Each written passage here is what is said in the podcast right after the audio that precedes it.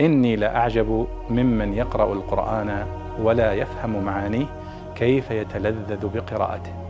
كيف يتلذذ بقراءته. يقول الله سبحانه وتعالى ممتنا على خلقه وهو الذي أنشأ جنات معروشات وغير معروشات. فما معنى معروشات؟ فالجنات المعروشات طبعا الجنة هي الأشجار الملتفة الكثيفة والنباتات.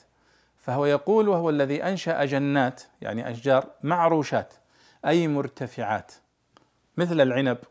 وكل الأشجار التي تتسلق ويكون لها ارتفاع ويرفعها الناس عن الأرض تسمى معروشات.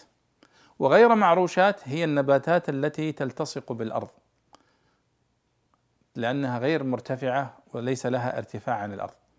فالله سبحانه وتعالى يمتن علينا بالنباتات وهذه الزروع التي آه، ترتفع عن الأرض ويكون لها ارتفاع ولها بناء وارتفاع وسمك والنباتات التي تكون على الأرض ممتدة. فلأن العريش والعرش العرش هو السرير الملك والعريش هو الذي يبنى ويكون له ارتفاع.